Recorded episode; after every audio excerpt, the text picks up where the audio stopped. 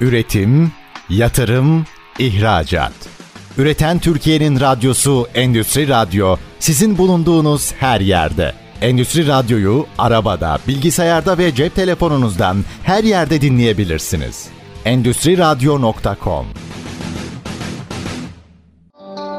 Esra Baykal'ın hazırlayıp sunduğu Zamana Kafa Tutanlar programı başlıyor. Sevgili Endüstri Radyo dinleyicileri, zamana kafa tutanlarda birbirinden değerli konukları ağırlamaya devam ediyorum. Bundan önceki yayınlarımızı kaçırdıysanız üzülmeyin. Endüstri Radyo web sitesinden her zaman eski yayınları dinleyebilir. esra-baykal.com'dan da pazarlama ve iletişimle ilgili pek çok makaleme ve özel içeriklere ulaşabilirsiniz. Efendim gelelim bu haftanın konusuna. Hayal kurmak. Evet, hayal kurmak. Hep söylerim. İnsan hayal ettiği kadar vardır diye. Ama bir zaman geliyor, hayal kurmayı unutuyoruz. Günün telaşından, hayatın stresinden, sonra hayalsiz kaldığımız zamanda kendi çocuklarımızın bile hayallerine destek olamaz hale geliyoruz. Çünkü hayal kurmanın çok da faydalı olmadığını düşündürüyor hayat bize. Çünkü hayallerimizin kim zaman kolaylıkla elimizden gittiğini hissettiriyorlar. Ama size bir şey söyleyeyim mi? Hayal kurmayan çocukların ülkesinde okuldan ayrılmalar, eğitimin sekteye uğraması, çocuklarımızın teknoloji bağımlılığı ve şikayet ettiğimiz birbirinin peşi sıra bir sürü karanlık döngü karşımıza çıkıyor. Sonra bir gün geliyor karşımıza bir adam çıkıyor. Yüce gönüllü, hayalperest bir adam. İstiyor ki çocuklar hem hayal kursun hem de hayallerini büyüklerden yardım alarak değil hayır. Dış dünyada hayatta kalmayı öğrenerek, kendi hayalleri için plan yaparak, belki de erken yaşta girişimciliği öğrenerek hayata geçirsinler istiyor. Bu kocaman kalpli adam bundan 13 yıl önce bir öğretmen olarak yolculuğuna başlıyor. Ama sonra çocuklarımıza muhteşem imkanlar sunan bir merkez inşa ediyor. Ve bugün Hayal Gücü Merkezi hayallerini gerçeğe dönüştürmek isteyen tüm çocuklar ve yetişkinler için çalışmaya devam ediyor. Efendim, bu haftaki konu onu herkesin tanıdığı mahlasıyla Evrensel Kamil. Benim için kocaman yürekli Emre. Hayal Gücü Merkezi'nin kurucusu Emre Alaaddin Keskin. Emre'cim hoş geldin. Nasılsın? Merhabalar Esra'cığım. Nasılsın sorusunun cevabı benim için bu aralar zor ama iyi olmaya çalışıyorum. Ee, birbirimize çok kenetlendiğimiz, gerçekten bir arada durmak için e, bütün gücümüzle çalıştığımız günlerdeyim. Ben de tüm varlığımla içinden geçtiğimiz bu zor zamanlarda iyi olmaya ve iyilik yapmaya çalışan insanlarla omuz omuza dayanışma içinde durmaya çalışıyorum. Kendimi de iyi hissediyorum. Umut doluyum yaşadığımız her şeye rağmen. Böyle. Sen nasılsın? Bilmem ben bu ara çok bilmiyorum nasıl hissettiğimizi. Umut var mı? Evet o toplanmalar ve bu yaşadığımız afet sonrası bir olma gücünün bir noktada umut verdiğine inanıyor olsam da bunun unutulması ve bu ruh halinin kaybolmasından çünkü bunu daha önce de yaşadık ve gördük. Yaşım dolayısıyla 99 depremini de çok net hatırlayan ve içinde yaşayan biri olarak söylüyorum. Umarım bu umut, bu bir olma, bu yeniden inşa edeceğiz ruhu çabucak kahve yazılarıyla yok olmaz diyorum. Her şey yolunda gitsin evet. inşallah diyorum. O kadar umudum var mı ama senin kadar çok da emin değilim. Peki Emre'cim şöyle yapalım mı? Şimdi ben seni tanıyorum ama dinleyicilerimiz seni çok tanımıyor olabilirler. Sen bu yola nasıl çıktın? Seni neler tetikledi? Nasıl başladın sonra nereye evrildin? İlk bölümde biraz seni tanıyalım istiyorum. Sonra ikinci bölümde de hayal gücü merkezine yer verelim. Orada neler yapıyorsunuz? Ne gibi farklı şeyler yapıyorsunuz? İnsanlar hayal gücü merkezinde tanısınlar istiyorum. O yüzden sözü sana bırakıyorum. Biraz bize yolculuğunu anlatır mısın? Kimdir Emre?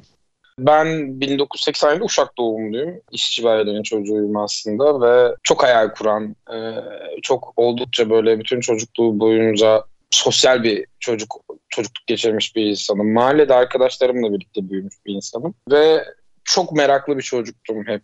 Doğam gereği de bütün çocuklar gibi pek çok soru sorardım. Velhasıl okulla başladıktan sonra da aslında bu merakını e, yitirmeden devam edebilmiş şanslı insanlardan biriyim. Güzel Sanatlar Lisesi okudum daha sonra resim bölümü ve ardından Eskişehir Anadolu Üniversitesi Güzel Sanatlar Eğitim bölümünden mezun oldum. Ve ardından hiç öğretmen olmak gibi bir planım yokken yani öğretmenliğe doğruldu, doğru evrildi maceram ama Öncesinde işte hepinizin bildiği Kadınca diye bir dergi var. 1978'de Duygu Asenal'ın çıkardığı. 2010, 2012, 2011 pardon e, yaklaşık bir, bir buçuk yıl kadar Kadınca'nın görsel yönetmenliğini yaptım. Tasarımlarını yaptım. Ardından da e, hayat rastlantılar beni bir şekilde Van'da büyük bir göç bölgesinin en büyük okullarından birine tayin olmamı sağladı ve görsel sanatlar yani eski adıyla resim öğretmeni olarak tayin oldum.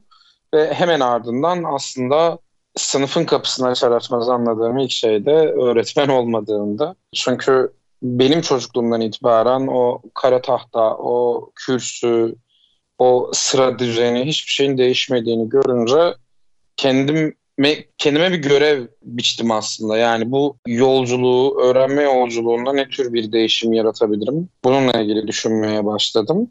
Ve bir öğretmen öğretmen olmak birilerine bir şey öğretmek değildir. Birlikte bir şey öğrenmek, birlikte keşfe çıkmak demektir yolculuğunda. Aslında o yaklaşık işte bir birkaç ay içerisinde hemen kavradım diyebilirim. Velhasıl sonrasında zaten orada da yine Türkiye'nin kaderi falan değil yani Türkiye'nin bilimsel bir gerçeği olan depremi orada da yaşadım Van depreminde. Orada da ne yazık ki evim, benim orada bir depremzedeydim. E, evim yıkıldı işte bir şekilde biz oradan hayatta kaldık oradan çıktık ama sonrasında benim yolculuğumda öğretmenlik giderek aslında oradaki o ihtiyaçtan kaynaklı kökleşmeye başladı eğitimcilik hayatım. Çünkü benim çocuklara, çocukların da bana ne kadar ihtiyaç duyduğunu fark etmeye başladım. Ardından da aslında işte okullarda şöyle düşün Esra yani fabrikalar değişiyor, yollar değişiyor, mahalleler, sokaklar, insanlar değişiyor ama okullar yüzlerce yıldır hiç değişmiyor ve buna tepki duymaya başladım. Yani Milli Eğitim Bakanlığı'nın bir öğretmen olarak ve o sebeple en azından öncelikle müfredatı nasıl değiştirebilirim? Diye düşünmeye başladım ve bu noktada işte çocuk meraklarından yola çıkarak bir müfredat yazmaya karar verdim. Soru Merak Kütüphanesi adında böyle bir sürü bileşenden oluşan, etkinlikten oluşan bir etkinlikler bütünü oluşturdum çocuk meraklarından bir merak haritası çıkartmaya başladım. O meraklardan yola çıkarak çocukların öğrenme içeriklerinin tasarımlarının yapılmasını yani nasıl yaparımı kovalamaya başladım. Ardından da aslında bir taraftan merak istatistikleri görmeye başladım. Yani hangi sınıfta ne tür meraklar var? Okulun genel merak istatistiği nedir? Bunlara göre de içerikler hazırlamaya başladım. Atölyeler hazırlamaya başladım derslerimde. Velhasıl sonrasında aslında soru merak kütüphanesiyle başlayan yolculukta çocuk meraklarından masallara özellikle küçük yaş çocukların dersine girdiğim için o dönem küçük yaştan kastım da e, 4. ve 5. sınıflar. 4 ve 5. sınıfların derslerine girdiğim için merakları nasıl masallara çeviririm? Ee, daha yani şey bu öğrenme sürecinin içine nasıl katarım cevabını ararken de hikayeler yazmaya başladım. Merak masalları yazmaya başladım. E bunlardan bir tanesi de aslında bugün kendi mahla yani mahlası olarak da kullandığım Kamil'in seyir defteri. Kamil adı. Kamil'in seyir defteri diye bir hikaye yazdım. Küçük çocukların böyle hoşuna gelecek şekilde işte kendi gezegeninde renkler kaybolduğu için dünyaya gelip işte 40 bin yıl öncesine 40 bin yıl önceden itibaren dünyayı gezip zamanın içinde gezip renk taşlarını doldurup kendi gezegenine renkleri götürecek bir çocuğun hikayesi. E, ardından tabii e, çok hoşuna gitti çocuklarım e, yazdığım bu hikaye. Bir de onların meraklarının içerisinde yolculuk yapan bir karakterden bahsediyoruz. E, bir süre sonra okulun içerisinde bir okul öncesi öğretmeninin beni bulmasıyla ya sen böyle bir masal anlatıyormuşsun bu hikayeyi ben de çocuklara anlatacağım nedir bu diye bulmasıyla e, yaptığım şeyin aslında merak müfredatı oluşturmadım ve o merakları bir öykü evrenine dönüştürmenin gücünü kavradım. Ve oradan sonra da işte Uğur Hoca, Uğur öğretmen, e, Uğur'la birlikte biz bir bunu yaygınlaştırmanın yollarına bakmak için işte öğretmenler bunu nasıl uygular diye adım adım yazmaya başladık. E, sonra işte Viranşehir'den Hakkari'ye, Edirne'ye, İstanbul'a kadar her bölgedeki arkadaşlarımıza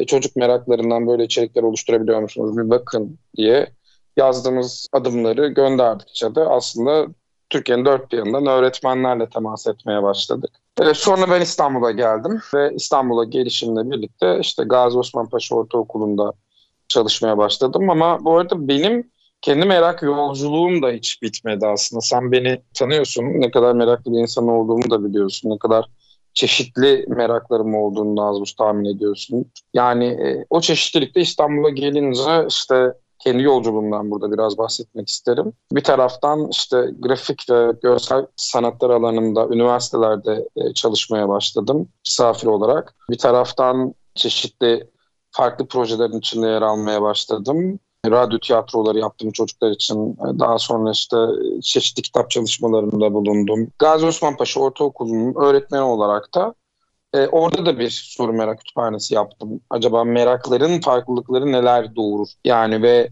benim Van'da yaptığım meraklardan farklı olarak neler var diye ve o okulunda içeriklerini bu meraklara göre tasarlamaya karar verdim. Velhasıl gerçekten kadın hakları, toplumsal cinsiyet gibi farklı alanlarda daha çok sorunun olduğunu görünce de bizim Kamil'in seyir defteri hikayesi Kamil ve Luna'nın seyir defteri ismini aldı. Ardından da çocuklarla birlikte işte bu hikayenin içinde geçen bir robot karakter varsa o robot karakteri işte efendime söyleyeyim bir hikayenin içinde geçen işte bir gezegenin maden yapısı varsa o maden yapısını incelemek, onun üzerine derinleşmek üzere böyle çalışmalar yapmaya başladık. E, gerçekten de her çocuğun merakları ve becerisinin aslında ona eşsiz bir güç getirdiğini görünce de becerilerin ne olduğunu merak etmeye başladım bir taraftan. Yani biz okullarda sıra arkadaşlarımızla yan yana geliyoruz. Hemen yanımızda oturan insanın ne merakından haberdarız ne becerisinden haberdarız. Şunu düşünmeye başladım. Eğer merakla bunu yapabiliyorsak ortak becerilerle neler yapabiliriz? Ve bu da Yapabilirim Meclisi adında bir çalışma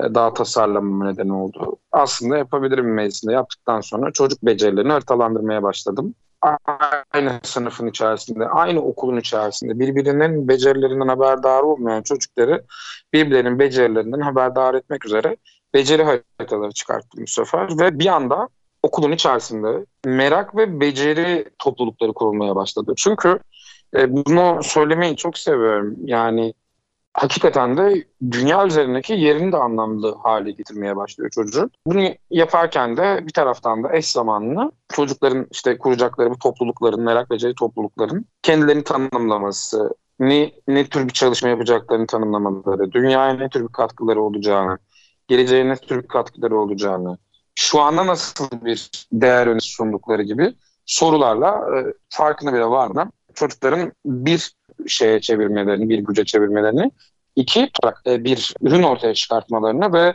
e, aynı zamanda e, community yani bu topluluk kurmalarının kendi kültürlerini oluşturmanın yollarını açtığını gördüm. Ondan sonra da zaten bütün bunları da adım adım yazmaya başladım. Bu çocuklarla bunlar nasıl yapılır diye ve ardından da gerçekten elimde Türkiye'nin dört tarafına gidip uygulayabileceğimiz yöntemler olmaya başladı. Velhasıl sonrasında da gerçekten çocuklarla birlikte çocuk ihtiyaçlarından yola çıkarak yani çocukların ihtiyaçlarını görerek yaptığım bu deneyimsel yöntemler bir süre sonra aslında farklı çocuklarca, farklı yerlerde denendikçe, farklı öğretmenlerce, farklı çocuklarla denendikçe güçlü bir şey oluşturduğunu, topluluk e, oluşturduğunu, üretim sürecine götürdüğünü gördük. E, ve bu da bizi yola koydu aslında. Yani beni ve birçok şu anda yanımda olan birçok arkadaşım. Çok özür dilerim lafını bölüyorum. Cümlenin başında yolculuğa çıkarken çocukların bana benim çocuklara ihtiyacımız olduğunu fark ettim demiştin. Buradaki ana ihtiyaç neydi? Ben onu merak ediyorum. Yani senin çocukları merak tarafını tetiklemendeki ana motivasyon neydi? Orada o çocukların aslında çok sıradan bir düşünce kalıbı içinde olduğunu mu gördün? Çocukların hiçbir şeye heyecan duymadığını mı gördün? Sen orada bir eğitmen olarak ne hissettin ve bunu kırmak için mi bu sürece başlat, başladın? Yani oradaki ana ihtiyacı da merak ediyorum ben. Ana ihtiyaç şu, bir çocuklar ciddiye alınmadıklarını düşünüyorlar ve bir yetişkin olarak aslında onları öncelikle ciddiye aldım ve onların e, karşısındaki insanlar tarafından ciddiye alınma ihtiyaçları vardı. Velhasıl benim de aslında benzer bir şekilde motivasyonum hep çocukken buydu. Yani çocuğum ama bir şey söylüyorum ama insanlar beni ciddiye almıyor. E, merak ediyorum ve bunun bir karşılığı yok. Bunun bir karşılığını yaratma ihtiyacıydı. Ve en önemlisi de belki aslında bağ kurmaktı Esra. Yani insani bağlar sadece büyük koşullarda oluşmuyor. Yani küçük küçük birbirine katkıda bulunacağın şeylerle, dokunmalarla oluyor aslında. Elbette hani çok büyük bir ani ya da bir afet durumunda birbirimize bağ kuruyoruz ama asıl şey yani bu böyle bir ihtiyaç, bu da benim gördüğüm ihtiyaç. Çocukların dünya üzerinde yerini anlamaya ihtiyacı var ve hem kendi kendilerinin ne tür bir kıymeti olduklarını anlamaya ihtiyaçları var. Aynı şey benim için de geçerli. Hem de aslında kendini konumlandıracağı yer neresi? Ya çünkü şöyle bir toplumda ve şöyle bir okul eğitim sisteminde büyüyorlar. Her birinin eşsiz becerileri, birbirlerine çok benzeyen becerileri, eşsiz hayalleri var ama e, bütün ölçüldükleri şey aynı. Yani hepsi matematikte, Türkçeyle işte neyse o dersler onlarla ölçülüyorlar ve milyonlarca çocuğu ölçemiyor aslında bu sistem. Ve artık benim oradaki isyanım o zaten o anlamda. Ya bu çocukların kendi becerileri kapsamında değerlendirebilecekleri bir hayat kurmak onlara ve bu yolu gösterebilmekti. Ben de tabii ki kendi yolculuğum, dünya üzerindeki yolculuğumun bir kısmında böyle bir ihtiyacı görüp kendimi tanımlama ihtiyacından yola çıkarak bu yolculuğa girdiğimdendir. Çok güzelmiş. Şey de çok güzeldi. Yani Merak'ın farklı insanları birbirine yapıştırma söylemin de çok güzeldi. Biz bu sömestr tatilinde oğlumla önce sen ve ben de bir kitap okuduk. Birbirinden farklı ülkelerden gelen iki çocuğun öncelikle birbirlerine ne ortak noktamız olabilir ki diye bakıp birbirlerinden biraz uzak durup sonra aslında birbirlerini tanıdıkça ortak meraklarının olduğunu keşfedip sonrasında ne kadar derin bir dostluk kurabildiklerini anlatan bir kitaptı. Sonra ben Egemen'e bir ödev verdim. Birbirinden farklı insanlar, yaş grubu olabilir, merakları olabilir. Bunlar nasıl bir arada dost olabilir? Bununla ilgili bir çalışma yapar mısın dedim. Şimdi birkaç gündür de onu tartışıyoruz. Çünkü ona göre yaş farkı aslında ortak paydada buluşmayı çok engelleyen bir şey olarak düşünüyor. Bu çok takılmış durumda ona. Şimdi birkaç gündür de onu tartışıyoruz. Hani gerçekten yaş farkı bir araya gelip birlikte bir şey oluşturmanın önünde engel mi diye ondan ilgili bir şeyler yazıyor bana. Bakalım ne çıkacak bugün. Ben de çok heyecanla bekliyorum ödevin son günü bugündü. Bakalım bana ne sunacak. Peki şimdi bir kısa reklam arasına gidelim. Reklam arasından sonra da biraz senden hayal gücü merkezini dinleyelim olur mu? Olur tabii ki. Sevgili zamana kafa tutanlar dinleyicileri kısa bir reklam arasından sonra yine sizlerle birlikte olacağız efendim. Üretim, yatırım, ihracat. Üreten Türkiye'nin radyosu Endüstri Radyo sizin bulunduğunuz her yerde. Endüstri Radyo'yu arabada, bilgisayarda ve cep telefonunuzdan her yerde dinleyebilirsiniz. Endüstri Radyo.com Sevgili zamana kafa tutanlar dinleyicileri, programımızın ikinci bölümünde Emre Keskin'le birlikte sohbetimize devam ediyoruz. Emre kimdi? Emre Hayal Gücü Merkezi'nin kurucusuydu ve çocukların merak haritaları üzerinden farklı bir eğitim sistemiyle onların birbirine daha bağlı ve kendilerini keşfeden bir yapı içerisinde ilerlemelerini sağlayan bir eğitim sistemi aslında kendince oluşturmuştu ve bunun da çok faydasını gördüğünden bahsetti bize ilk bölümde. Şimdi biraz da bu işin merkeze dönüştüğü halini konuşalım istiyorum Emre ile. Hayal gücü merkezi nedir Emre?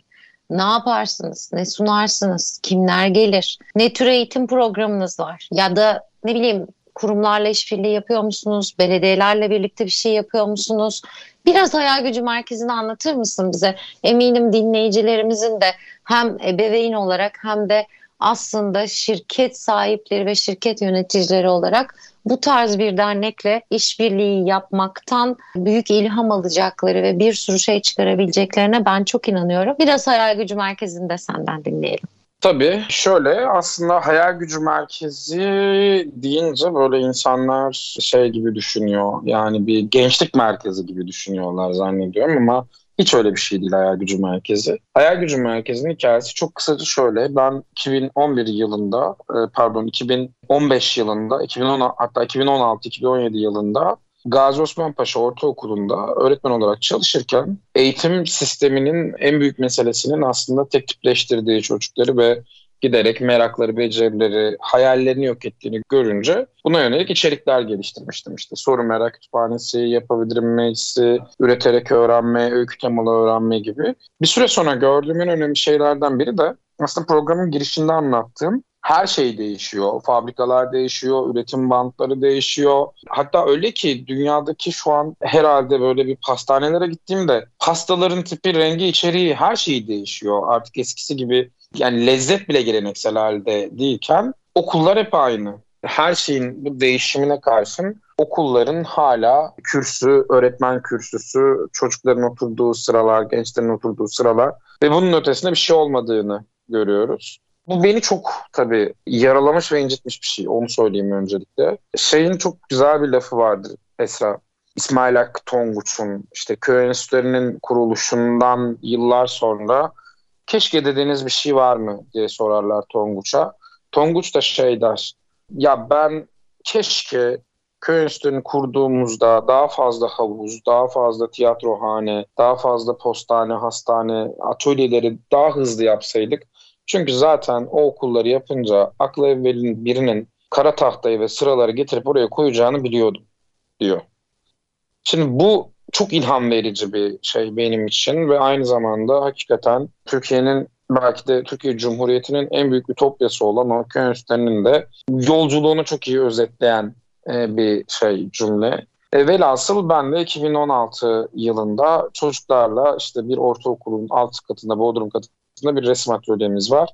Bu resim atölyesinin e, çocuk eliyle nasıl değiştirileceğini ve burayı yeniden tasarlasak neye benzeyeceğini araştırmaya başladım. Böyle çeşitli sorular çıkardım çocuklara ve sonra o okulda okuyan devlet okulu öğrencileri 15-20 çocukla şey lider ekip kurduk oraya ve sonrasında 800 öğrencinin tamamından e, yaklaşık 2,5-3 aya yakın fikirler alınarak ne tür alanlar, ne tür mekanlar, ne tür deneyimler olmalı öğrenme alanında diye yola çıktık ve nihayetinde hakikaten aylar içerisinde, o uzun uğraşlar içerisinde sonucunda biz çocuk eliyle mobilyasından orada kullanılacak işte malzemesine kadar her şeyini çocukların eliyle yapılacak bir mekan kurmaya karar verdik ve onu uyguladık, yaptık. Çocukların verdiği isimle de adı Hayal Gücü Merkezi oldu. Önce bir odaydı Hayal Gücü Merkezi, sonra bir kat oldu, sonra oraya da sığmadı.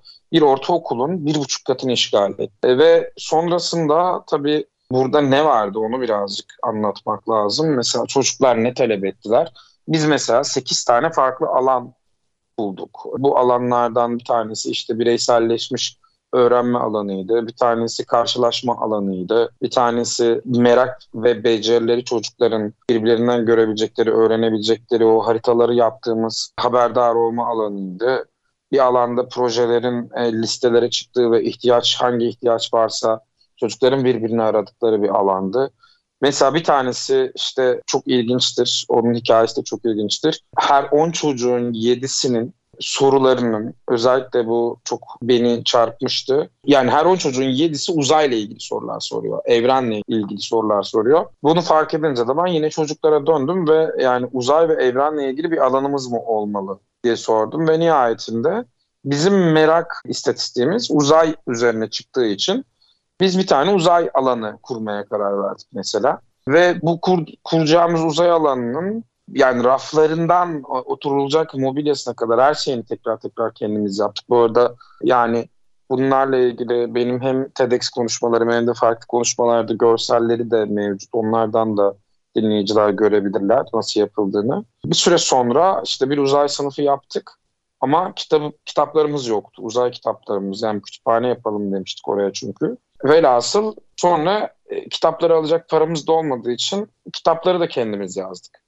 E, merakları uzay alanında olan, evren alanında olan çocuklar bilimsel araştırma yapanından uzayla ilgili şiir yazanına, hikayeler yazanına kadar böyle birçok şey ortaya çıkartıldı ve çocuklar bir anda bir külliyat ortaya çıkardılar ve biz Astro Kütüphaneyi kurduk örneğin. Hayal Gücü Merkezi'nin e, içinde öyle bir alan da vardı. Ve şunu söyleyebilirim ki kurulduğu dönemde Gazi Osman Paşa Ortaokulu'nun içinde kantin kadar kullanılan bir alandı. Boş derslerin tamamını çocukların geçirdiği bir alandı. Üretim yapılan bir alandı en önemlisi. Yani bir geldiğinizde işte bir çocuğun arkadaşlarıyla birlikte bir e, mimari bir proje çalıştığını görürken yan tarafta şiirleriyle ve gitarıyla bir başka grubun bir şey yaptığını, e, bir diğer yerde ellerinde bir poşet yaprakla bir grup çocuğun bir inceleme yaptığını görüyorsunuz. Bir yerde ise elektrik, elektronikle ilgili çalışan çocukların bir şey yaptığını ve hayal gücü merkezi aslında çocukların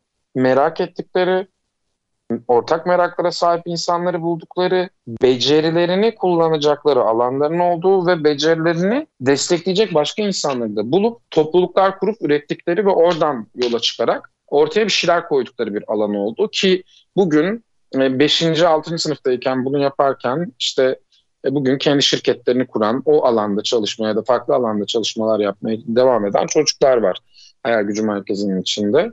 Tabii biz bunu yapınca aynı mahallede yaşayan arkadaşlarını anlattıkça çocuklar başka okullarda da hayal gücü merkezleri kurulmaya başlandı. Velhasıl ben günün birinde hiç unutmuyorum bir okulda işte sanırım Kartepe miydi hatırlamıyorum adında tam bir hayal gücü merkezi kurulacağı haberi geldi. E, sadece hani hiçbir sıfatım, hiçbir haber vermeksizin orada kurulacak hayal gücü merkezi için bir gösteri yapılıyor. Ücretli giriş çocuklar tarafından yapılıyor. E, oraya gittim ve izlemek istedim yani ne oluyor burada diye. Hakikaten bunun bir kültür olması gerektiğini orada anladım. Yani bu böyle tek elden yapılabilecek bir şey değil. Çocuk eliyle, eğitimcinin desteğiyle, e, anne baba desteğiyle, veli desteğiyle aslında çocuklarla dönüşüm yaratmak olduğunu gördüm. Yeni nesil öğrenme ve sosyalleşme alanları aslında hayal gücü merkezi dediğimiz şey. Velhasıl bir süre sonra zaten işte o okullardaki okuyan çocuklarla e, ve işte farklı alanlarda, farklı şekillerde buluştuğumuz bizim aramıza katılan öğretmen arkadaşlarla e, Türkiye'nin dört tarafında minik minik okulların içerisinde hayal gücü merkezleri açılmaya başlandı. Velhasıl işte pandemi süreci ne yazık ki bunu bir ciddi bir sekteye uğrattı devam edemedik çalışmalara ama Hayal Gücü Merkezi bu sefer pandeminin hemen zannediyorum sonlarına doğruydu bir dernek haline getirmeye karar verdik ve yaklaşık işte 40 çocuk 15-20 yetişkin Hayal Gücü Derneği'ni kurduk. Bir zamanlar e, benim öğrencim olan çocuklar Hayal Gücü Derneği'nde artık söz sahibi 20 yaşında, 18 yaşında, bazıları 16 yaşında işte olan çocuklarla birlikte yönettiğimiz bir dernek haline döndü. E, hatta dün işte deprem dolayısıyla ne tür bir çalışma yapacağımıza karar vermek üzere bir aradaydık. Yani gözlerim yaşardı çünkü 30 tane gencecik pırıl pırıl çocuk ve gençle olası bir İstanbul krizinde ne yani de, depreminde ne tür bir yönetim yapacağımızı şimdiden planlamaya başladık. Ya biz hayal gücü merkezi olarak bu arada müdahale edici değil, önleyici ön, yani önleyici şeyler yapmanın doğru olduğunu, planlamalar yaptığının e, doğru olduğunu düşünüyoruz. Elbette önleyici olurken alanda sahada bize ihtiyaç olduğu zaman da organizasyon kurup o aynı gençlerle de çalışmalar yapabiliyoruz. Müdahale edebileceğimiz alanlar var. E, ama ve lakin bir süre sonra aslında Hayal Gücü Derneği'nin de birçok projesi olmaya başladı kurduktan sonra. İşte Bunlardan bir tanesi Çocuktan Çocuğa Akademi. Yaklaşık 35 tane e, hayal gücü merkezinden 35 çocuğun çocuklar için tasarladığı 49 farklı içerikte tam 7 kere yapılmış bir program bu. E, ve bin çocuk faydalandı bundan güne kadar.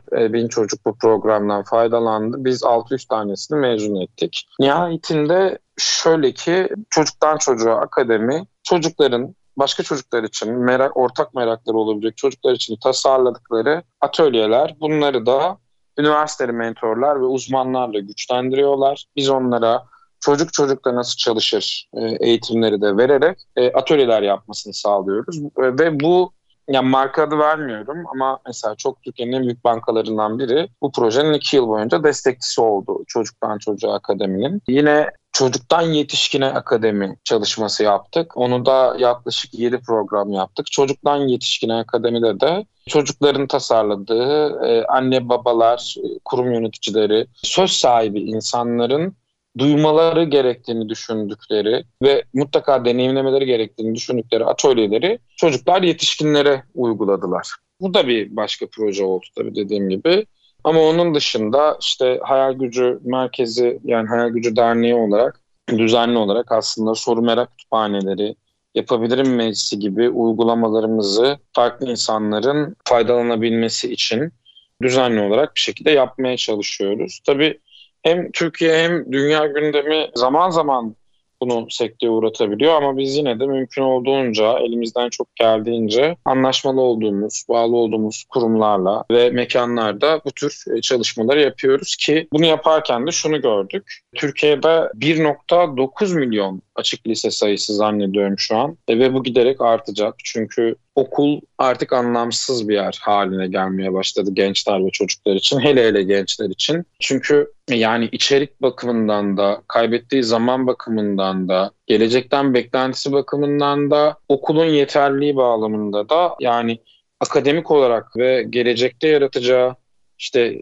kendisinin ortaya koyacağı planlamaların tamamlaması bakımından da çocukların okula karşı bir şey oluştu. Bir duruşu oluştu. Sosyal olarak ve iletişim olarak elbette çok kıymetli olmasına rağmen çocuklara hak vermemek elde değil. Yani onu söyleyebilirim. Ve biz de aslında giderek bu artan need problemi yani ne istihdamda ne eğitimdeki çocukların problemlerine çözümlerine katkıda bulunabilmek için çocuk ve genç girişimciliği programlarını başlattık. E, bugün bu girişimcilik programından kastım da şöyle bir girişimcilik değil yani bildiğimiz girişim girişimcilik değil sadece çocukların kendi merak ettikleri alanda, becerilerinin olduğu alanda hayalini kurduğu şeyi yapabilmek için onları güçlendirmek üzere programlar tasarladık. Ve bu kesinlikle böyle çocuğun ticari bir girişim kurması amacıyla yapılan bir şey değil. Çocuğun kendisini dünyada konumlandırabileceği yeri e, bulmasını sağlayabilecek kaslarını güçlendiriyoruz burada. Ve bunu yaparken de bunu kısmen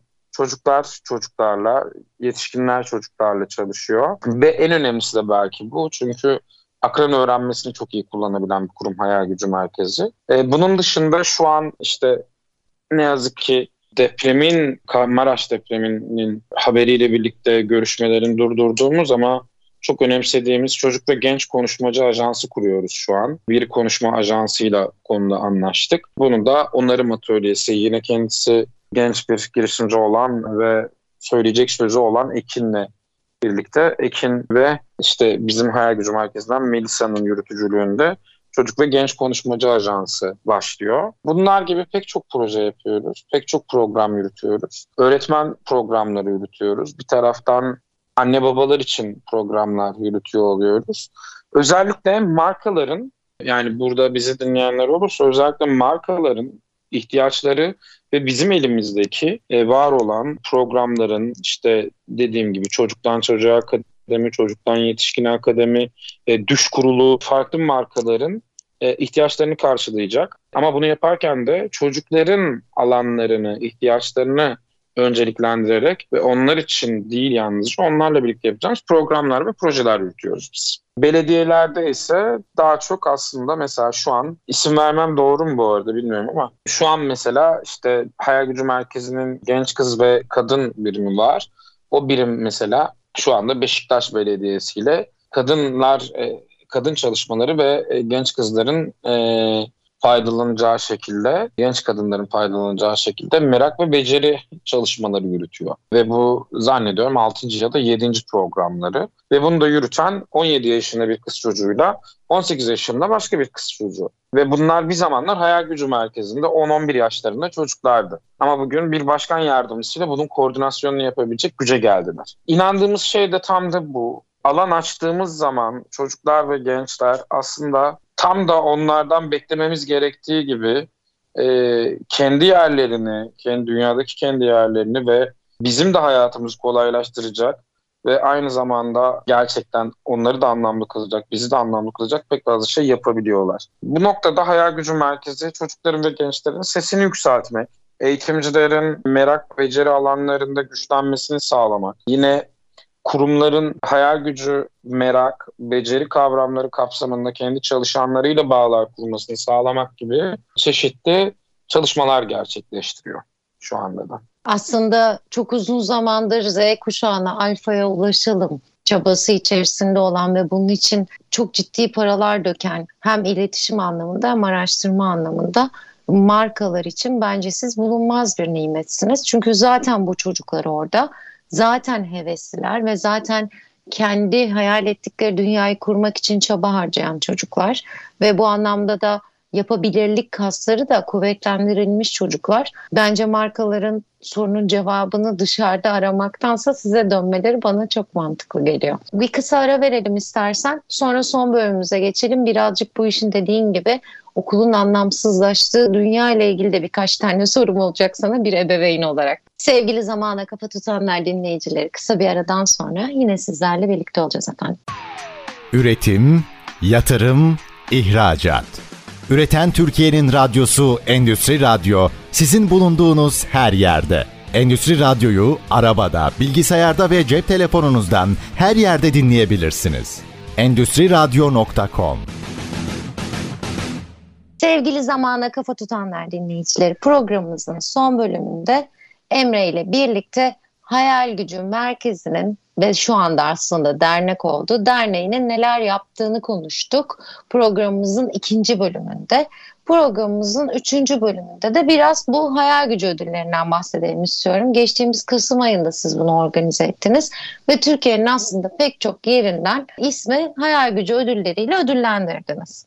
Ve bu organizasyonun tamamını dernekteki çocuklar yaptı. Sunuculuklarını yaptılar. Ödül törenini organize ettiler. Ben de oradaydım. Çok keyifli bir projeydi. Sizin için hayal gücü ödüllendirmek ve bu kategorilendirmeyi yapmak. Buradaki anlam neydi? Nasıl bir kategorizasyon yaptınız? Nasıl aslında bu insanları seçerken ne gibi metrikleriniz vardı? Bu insanları çocuklar neye göre belirlediler? Bir bunu merak ediyorum. İkincisini düzenleyeceksiniz. İkincisini düzenlerken neye ihtiyacınız var? Buradan bir duyuralım da istiyorum. Belki dinleyicilerimizden bir şekilde bu sürecin içinde yer almak isteyen sponsor markalar da çıkabilir. İkinci de hedefiniz ne olacak? Ondan da bahsedersen çok sevinirim. Şöyle hayal gücü ödülleri aslında yani hayal gücü ödüllerini vermek bizim bir anda aklımıza gelen bir şey değildi. Hayal gücü derneği başvurusu yapmaya giderken şimdi yolda arkadaşlarımızla gidiyoruz belgelerimizi, evraklarımızı hazırladık. Şeyi konuşuyoruz hani hayal gücü derneği vardır. Biz nasıl bir isim alabiliriz? Yani hayal gücünün derneği mi olsun? Hayal gücümüz derneği mi olsun? Çünkü yani dedim ki yani Türkiye ya burası 400 bin aktif pasif bir sürü dernek var.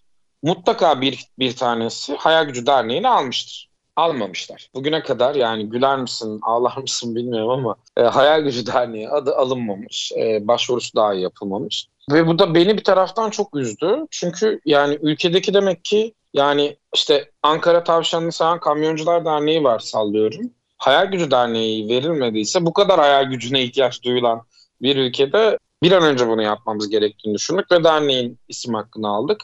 Ve o gün şuna karar verdik. Dedik ki yani bu kavram kimsenin, ya kimse bu kavramın sahibi değil ama kimse bunu hatırlatmıyor da, kimse bunu güçlendirmiyor da. Bu yüzden biz bu kavramı güçlendirecek şekilde, hayal gücü kavramını güçlendirecek şekilde ödül geceleri, festivaller, zirveler yapmalıyız diye konuştuk. Ve ilki de ödül gecesiydi ki bundan sonra geleneksel hale gelmesini umuyoruz. Hatta dün de işte çocuklarla, gençlerle dediğim gibi bir 30'a yakın genç ve çocukla birlikteydik. Onlarla birlikte yaptığımız şeyde 6 tane yeni kurul üyesi seçildi. Bu 6 yeni kurul üyesi şimdi e, hayal gücü ödüllerinin ikincisini tasarlayacaklar. Yanlarına 6 tane de yetişkin gelecek. Tam da böyle oldu zaten iyi de. E, yine 15'e yakın çocuk e, ile başladı. 10 genç ve çocuk tamamladı. Bir düzenleme kurulu oluşturduk. Sonra şunu konuştuk kendi aramızda. Türkiye'de hayal gücünü yani hayalini gücüne çevirmiş ve ayrı bir taraftan bir de Türkiye'deki hayal gücü kavramına katkıda bulunmuş insanları belirleyelim. Hayalini gücüne çevirerek yapan insanlara direkt kategori olarak işte ödüller verelim. Cesaret veren hayal gücü, ilham veren hayal gücü, işte kışkırtıcı hayal gücü gibi böyle e, müzikte hayal gücü, resimde hayal gücü gibi değil de hayatın içinden gerçekten o ismi duyduğumuzda örneğin e, Nilay Örnek, işte Nilay Örnek e, ilham veren hayal gücü ödülünü aldı. E, hakikaten Türkiye'de herhalde bizim ararken de insan ismi ararken de böyle hayal gücü ödülleri için kimle karşılaşsak onunla konuşması olmuş, podcast yapmış isimlerden birinin örnek. E çok ilham verici bir kişi bu anlamda. İşte ya da ne bileyim kışkırtıcı hayal gücü ödülünü alan Refik Anadol e, mesela. Refik Anadol veriye dayalı görsel tasarımlar yapmaya başladıktan sonra dünyanın dört bir yanında insanları kışkırttı ve gerçekten benzer çalışmalar yapan pek çok insan ortaya çıktı. Ya da işte cesaret veren hayal gücü ödülünü alan Hasan Kum, Kum Mucit. Son 30 yıldır Türkiye'de patentli bir sürü ürün ortaya çıkarmış ve gerçekten onun ardından ya ben bunu yapabilir miyim? diyen pek çok insana kendi yap ürünlerle marka patent alan mucitlik yaparak icatlar ortaya koyarak dünyanın dört bir yanına e, bir şekilde yaptığı şeyleri gönderebilmiş bir adam Hasan Kum ve cesaret veren bir hayal gücü var gerçekten. Ve biz böyle böyle kategoriler oluşturduk ama bir taraftan da Türkiye'nin hayal gücüne katkı ödülleri kısmını oluşturduk. Yani işte zannediyorum 7 tane kategori ödülü, 7 tane de katkı ödülü verdik. Katkı ödülünden kastım da şu. Örneğin yani benim çok sevdiğim ve aynı zamanda yine çok kıymet verdiğim, senin de çok yakinen tanıdığın bir isim olan Ali Üstündağ. Şimdi Ali Üstündağ Türkiye'de herhalde yolu iletişimden geçen herkesin bir şekilde tanıştığı ve bir şekilde merhabalaştığı bir insan ve bugüne kadar sahnede ya da işte sesini duyduğumuz ya da işte gördüğümüz, izlediğimiz, konuşma performansını gördüğümüz herkesin e, mutlaka ilk coachingini yapan insanlardan biri.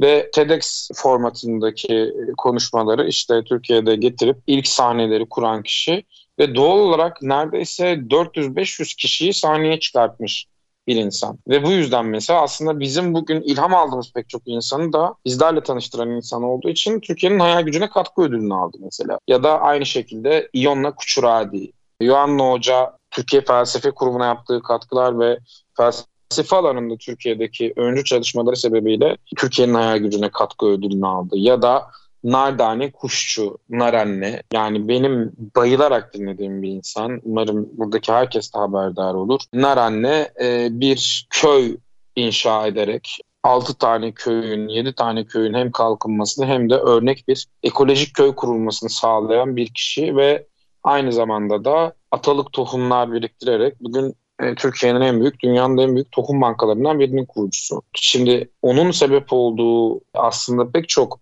tohum ve tarımla ilgili çalışma, köy kurmayla alakalı çalışma aslında hepimize ilham verdi ve bizim hayallerimizi de çok etkiledi. O yüzden mesela hayal gücüne katkı ödülü aldı kendisi de. Yani bizim çocuklarla birlikte yaptığımız şey tam da böyle insanların hikayelerini çok iyi anlamak ve doğru insanları seçmekti. 300'e yakın aday seçildi. 300'e yakın adayın içerisinde çocuklar bu aday sayısını 80'e indirdiler.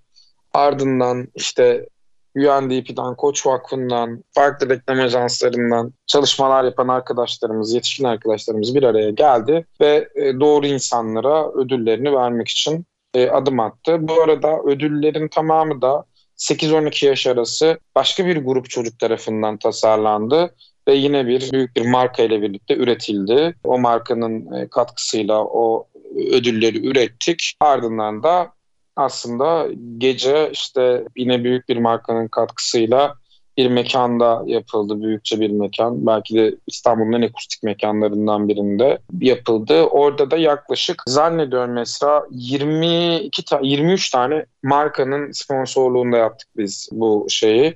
Buradaki sponsorlukları özellikle çok büyük tutmadık. Onu söylemek isterim. Yani küçük ölçekte katkılar isteyerek bütün o yapılış sürecindeki şeyleri karşıladık ve geriye kalanlarla da aslında derneğin içerisinde yer alan, çalışmalar yapılan gençlerin e, burs almasını sağlandı buradan gelen fonla. Nihayetinde de işte bu yıl bu tür çalışmalarla yaklaşık hedefimiz 70 ila 120 genç ve çocuğun e, bu arada ortaokuldan başlayarak biz e, bayağı ortaokuldan başlayarak gençlerle çocuklarla çalışma yapılması gerektiğini düşünüyoruz. Ortaokuldan başlayarak burslar verebileceğimiz bir formata döndüreceğiz bu tür etkinliklerde toplanan bağışları da. Velhasıl işte senin de o gün yaşadığın şey oydu.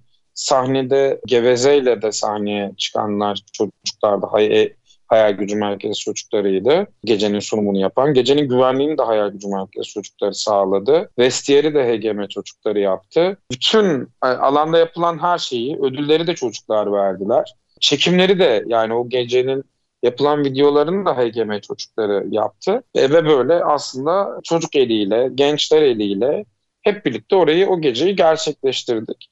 Parametrelerimiz yani buradaki kriterlerimiz nelerdi dersiniz. Yani çok temel kriterler tuttuk burada öncelikle. Öncelikle bir hayal gücü kavramı üzerinden anlaştık hepimiz. Hepimiz hizalandık. Ve ardından da aslında işte doğaya zarar vermemek, insana zarar vermemek, başka bir canlıya zarar vermemek, işte ırkçılık yapmamak, insanlara sosyal medya üzerinden ya da başka şekillerde hakaret etmemek gibi pek çok kriterler koyup pek çok isme ödül verdik. Mesela bunlardan bu arada Türkiye'nin hayal gücüne katkı ödüllerinden birini alan da Barış Özcan idi. Barış Özcan mesela yani hayal gücüne katkı ödülleri verirken örneğin bir çocuğun dediği şey hiç unutmayacağım. Onu önerenlerden biri şey demişti mesela. Ya hocam bütün sınıflarda Barış Özcan'ın videoları bir şekilde izleniyor. Ve biz onun anlattığı anlattığı şekliyle uzay uzayı öğreniyoruz. Okuldan öğrenmiyoruz. Hakikaten şimdi bu çok çarpıcı bir şey sahadan gelen veriyle aslında biz oradaki insanları belirliyoruz. Peki o zaman şimdi aslında başka sorularım da vardı sana ama çok zamanımız kalmadı. Birkaç dakikamız var. Orada da aslında biraz önce tıpkı o tatlı çocuğun söylediği cümleyle ilgili bir şey sormak istiyorum. Eğitim her gün daha kötü bir duruma geçiyor. Öğretmenlerimiz çok motivasyonsuz. Müfredatımız yetersiz. Veli ne yapacağını bilmiyor. Ve aramızda bir aslında yaş uçurumu da teknolojinin gelişimiyle birlikte bizim ebeveynlerimizle olan boşluğumuzdan daha derin bir hale gelmeye başladı. Böyle son söz olarak aslında bize biraz ışık verebilir misin? Biz bu girdaptan hem çocuklarımızı hem de kendimizi nasıl kurtarabiliriz? Birincisi hep birlikte kurtarabiliriz. Kimse tek başına bir kurtuluşu yok yani onu söyleyebilirim. Çünkü eğer çocuğunun yan sınıfındaki çocuğu da düşünmüyorsan kendi çocuğunu da düşünmüyorsun demektir. Çünkü o çocuk sokakta yine karşılaşacaklar, okulda yine karşılaşacaklar. Bir kere bu kolektif düşünme meselesini ele almamız gerekiyor. Bir başkasını da düşünüyor olmayı ele almamız gerekiyor. Ne yazık ki özel okullar ya da işte çok büyük değer önerileri olan e, dershaneler, kurumlar e, çare değil. Çare olsaydı e, bunlar 60 yıldır, 70 yıldır zaten varlar herhangi bir şey değişirdi ama değişmiyor gördüğümüz üzere. O yüzden öncelikle kolektif e, olarak birbirimizi düşünüyor olmamız ve sosyal adaletin yeniden tesis edilmesi gerekiyor. Çünkü eğitim adaletle çok yakından, çok hem de çok yakından ilişkili bir e, mesele. Şu anda mesele sistemle alakalı. Yani sistemin adalete çocuklara inandırması, gençlere inandırması gerekiyor. Çünkü şu yüzden ayrılabiliyor çocuk yani okuldan. Ben mezun olduğumda ne olacak, ne yapacağım? Zaten bu şimdi bıraksam bir şey yaparım. Hiçbir şey yapmasam da olur diye düşünüyor. E, o yüzden burada ışık şu, bir kere e, çocuklarla ve gençlerle konuşarak onları yeniden toplumsal olarak aslında örgütlü bir toplumun, güçlü bir toplum olduğunu inandırarak, ortak meraklarının, ortak becerilerinin olduğu insanlarla tanıştırarak ve verdiğimiz sözlerin arkasında durup bunları tamamlayarak, yarım bırakmayarak çünkü çok fazla yarım kalan şey var bizim gibi toplumlarda ne yazık ki. E, ve adalete yeniden inanmalarını sağlayarak o sosyal adaleti tesis ederek ilerleyebiliriz ve şu çok önemli. Yani gerçekten tek başına bu toplumda hiç kimsenin kurtuluşu yok. Yani böyle bir e, eğitim çarkından daha doğrusu bir kurtuluş yok. Hepimiz birbirimizin kaderine incecik ipliklerle bağlıyız. Yani Hatay depreminde bunu bir kere daha gördüm. Hepimiz birbirimize gerçekten ama gerçekten çok ihtiyaç duyuyoruz. Her anlamda, her anlamda ihtiyaç duyuyoruz. Bu yüzden birbirimizi sevmenin yolunu, birbirimize ön yargısız, kutupsuz davranmanın yolunu bulmamız gerekiyor. Bundan en çok etkilenenler çocuklarımız ve gençlerimiz. Onlara kutuplarla, öfkeyle örülmüş, adaletsizlikle öğrenmiş bir e, toplum bırakmamak için de umut vermemiz gerekiyor. Ben çok umutluyum. Her şeye rağmen çok umutluyum. E, çocuklarla ve gençlerle çalışan biri olduğum için onların enerjisini görüyorum. Evet şu an anlatıl yani anlatılması çok da mümkün olmayan pek çok şey yaşıyoruz. Ama Esra arkadan inanılmaz bir şey geliyor, güç geliyor. Yani değişim yaratacak güçteki gençler ve çocuklar geliyor. Onlara inanmak, onlara alan açmak çok önemli. Sözümü şununla bitireceğim. Hayal gücü merkezinin kaç alandan, kaç mekandan oluşması gerektiğini düşünürken işte dedim ya 8 tane alan çıktı. Bilmem ne alanı, bilmem ne alanı, bilmem ne alanı. Bir tane daha alan çıktı ki bu bugünkü hikayeyi de tanımlıyor bence. Boş alan. çocuklara ve gençlere boş alanlar vermemiz gerekiyor onların inşa etmesi için. İnsan katkıda bulunduğu şeye ait hissediyor. Katkıda bulunmaları için alan, zaman ve fırsat vermemiz lazım. Teşekkür ederim beni dinlediğiniz için. Çok teşekkür ederim Emre'ciğim. Çok kıymetli ve keyifli bir sohbet oldu benim için. Umarım dinleyen herkes için öyle olmuştur. Sağ olasın geldiğin için ve bizle bunları paylaştığın için. Sevgili zamana kafa tutanlar dinleyicileri, bir programın daha sonuna geldik. Bundan sonraki haftalarda yine yeni konu ve konuklarımla sizlerle birlikte olacağım. Kendinize iyi bakın efendim. Hoşçakalın.